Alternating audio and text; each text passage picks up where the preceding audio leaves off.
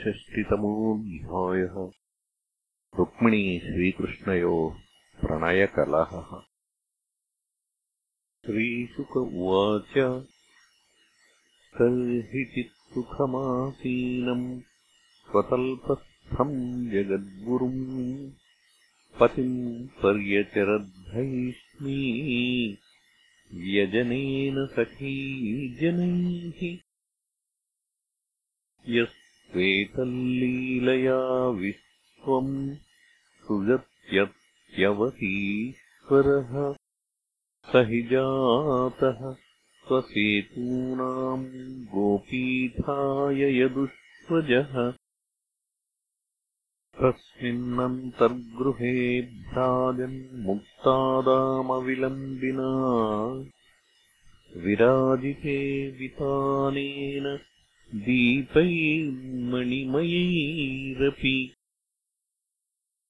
मल्लिकादामभिः पुष्पैः विरेफकुलनादितैः जालरन्ध्रप्रविष्टैश्च गोभिश्चन्द्रमसोमलैः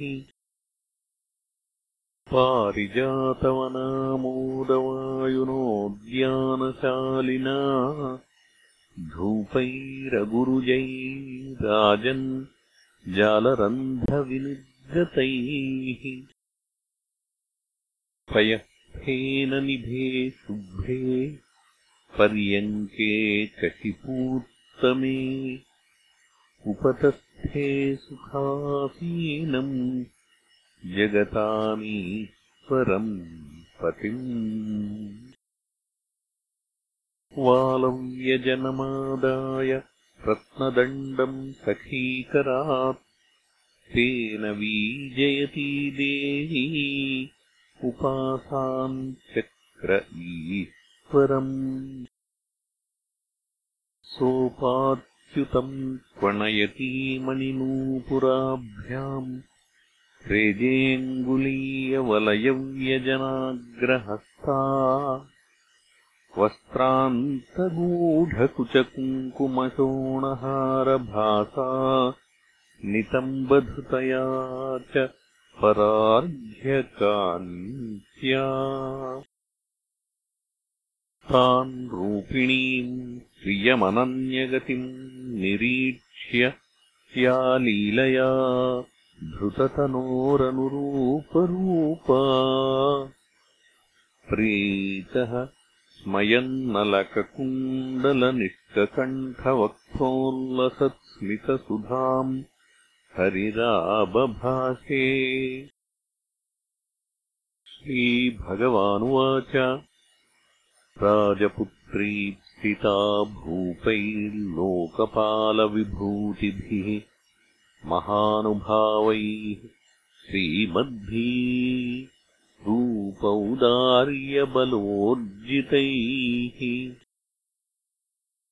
तान् प्राप्तानर्थिनो हित्वा चैद्यादीन् स्मरदुर्मदान्।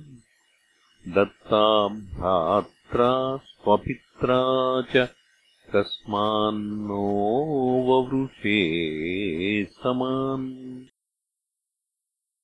राजभ्यो बिभ्यतः शुभ्रूः समुद्रम् चरणम् गतान् बलवद्भिः कृतद्वेषान् प्रायस्त्यक्तनृपासनान्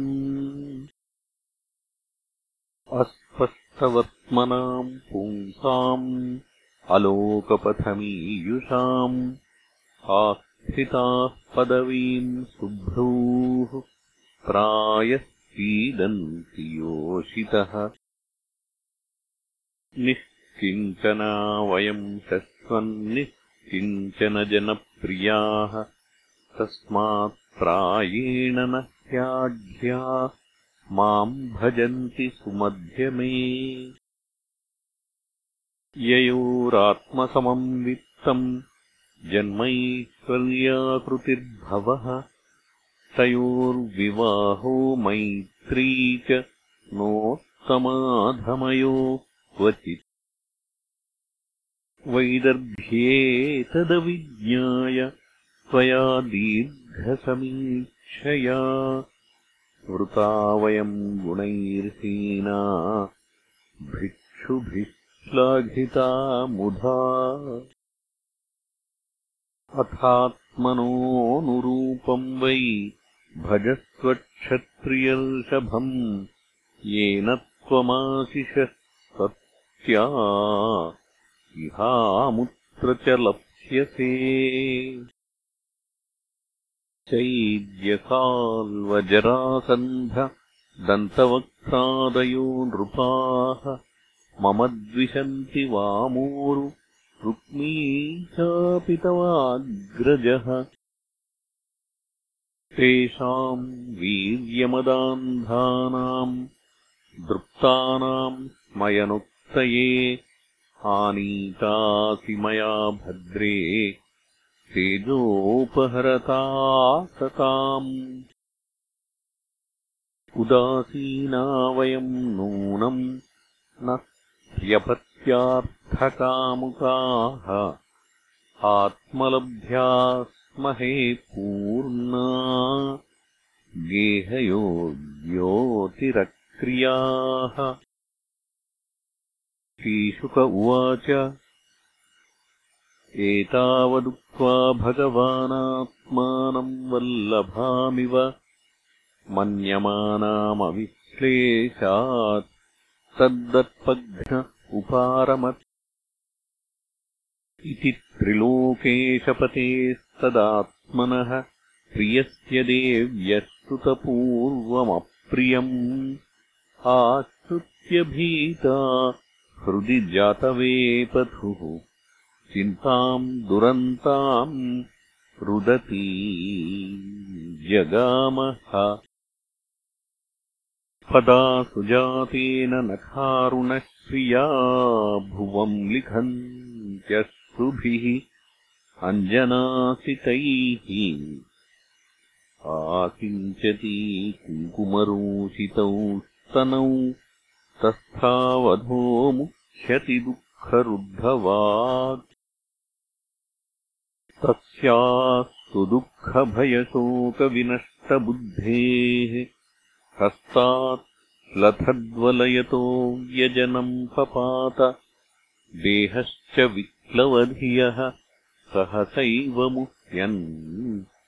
रम्भेव वायुविहता प्रविकीर्यकेशान्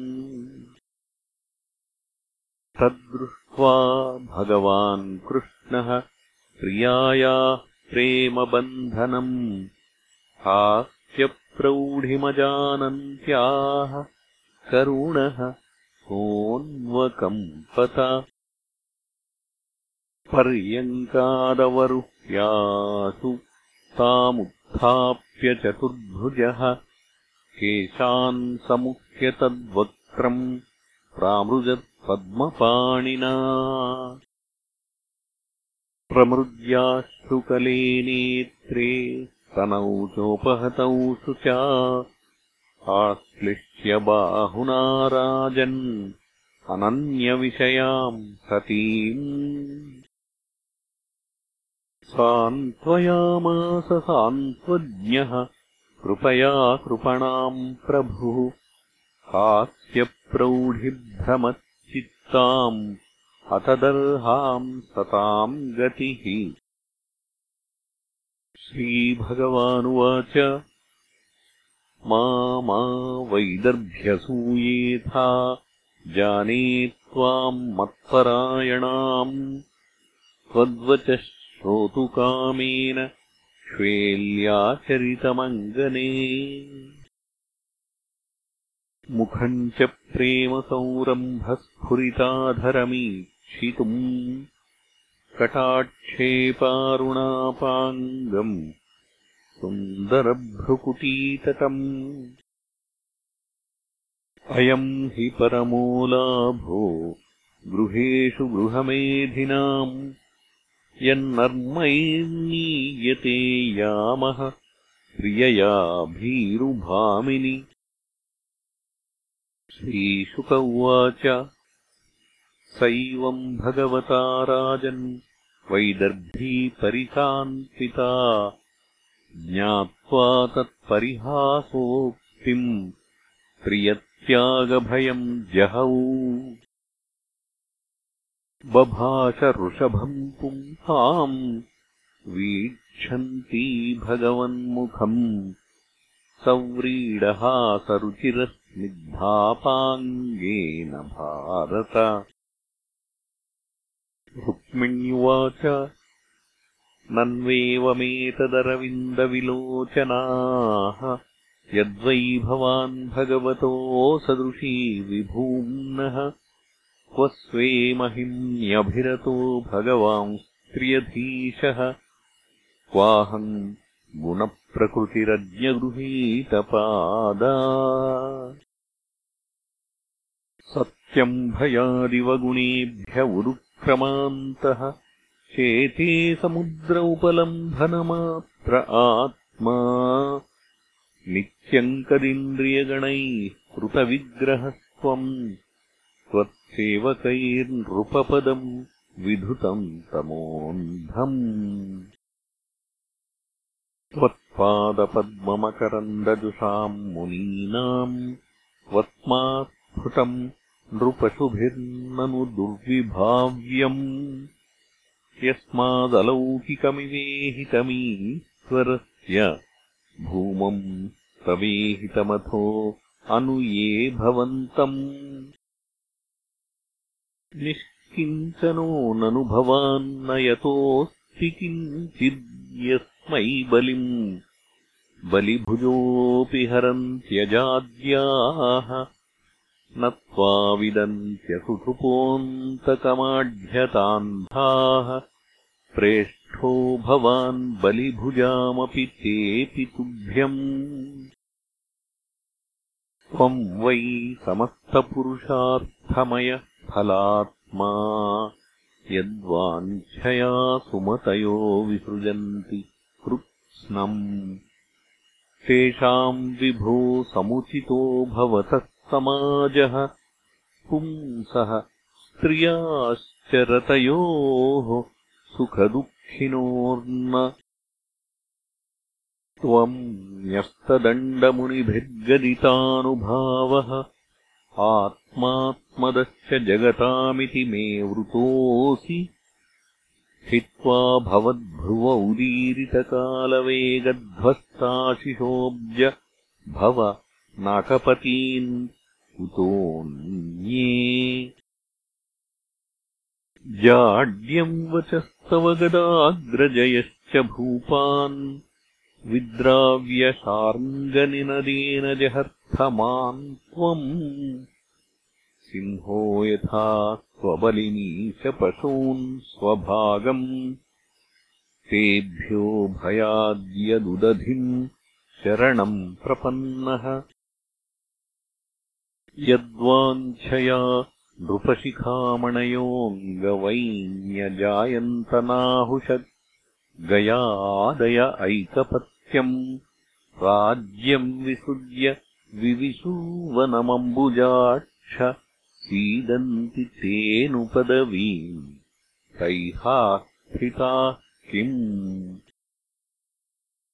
कान्यम् श्रयेत तव पादसरोजगन्धम् आघ्रायसम्मुखरितम् जनतापवर्गम्। लक्ष्म्यालयम् त्वविगणय्य गुणालयस्य। मर्त्या तदोरुभयमर्थविविक्तदृष्टिः तम् त्वानुरूपमभजम् जगतामधीशम् आत्मानमत्र च परत् च कामपूरम् स्यान्मे तवाङ्घ्रिरणम् श्रुतिभिर्भ्रमन्त्याः यो वै भजन्तमुपयात्यनृतापवर्गः कस्यास्युरच्युतनृपा भवतोपदिष्टाः स्त्रीणाम् गृहेषु खर गोष्वबिडालभृत्याः यत्कर्णमूलमरिकर्षणनोपयायाद् युष्मत्कथा मृड विरिञ्चि सभासु गीता वक्ष्मश्रुरोमनख केशपिनद्धमन्तः माम् सास्थिरक्तकृमि विकफवित्तवातम्। जीवच्छवम् भजति कान्तमतिर्विमूढा। या ते पदाब्जमकरन्दमजिघ्रती स्त्री। अस्त्वम्बुजाक्षममते चरणानुरागे आत्मन्रतस्य मयि चानतिरिक्तदृष्टेः यस्य वृद्धय उपात्तरज्योतिमात्रो मामीक्षसे तदुह नः परमानुकम्पा। नैवालीकमहम् मन्ये वचस्ते मधुसूदन अम्बाया इव हि प्रायः कन्यायाः स्याद्रतिः क्वचित् व्यूढायाश्चापि पुंश्चल्या मनोभ्येति नवम् नवम् बुधो सतीम् न बिभ्रूयात् ताम् बिभ्रदुभयच्युतः श्रीभगवानुवाच। साध्व्येतच्छ्रोतुकामैः त्वम् राजपुत्रिप्रलम्भिता मयोदितम् यदन्वात्थ सर्वम् तत्सत्यमेव हि।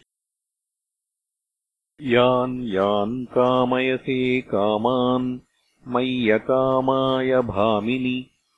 सन्ति ह्येकान्तभक्तायास्तव कल्याणि नित्यदा।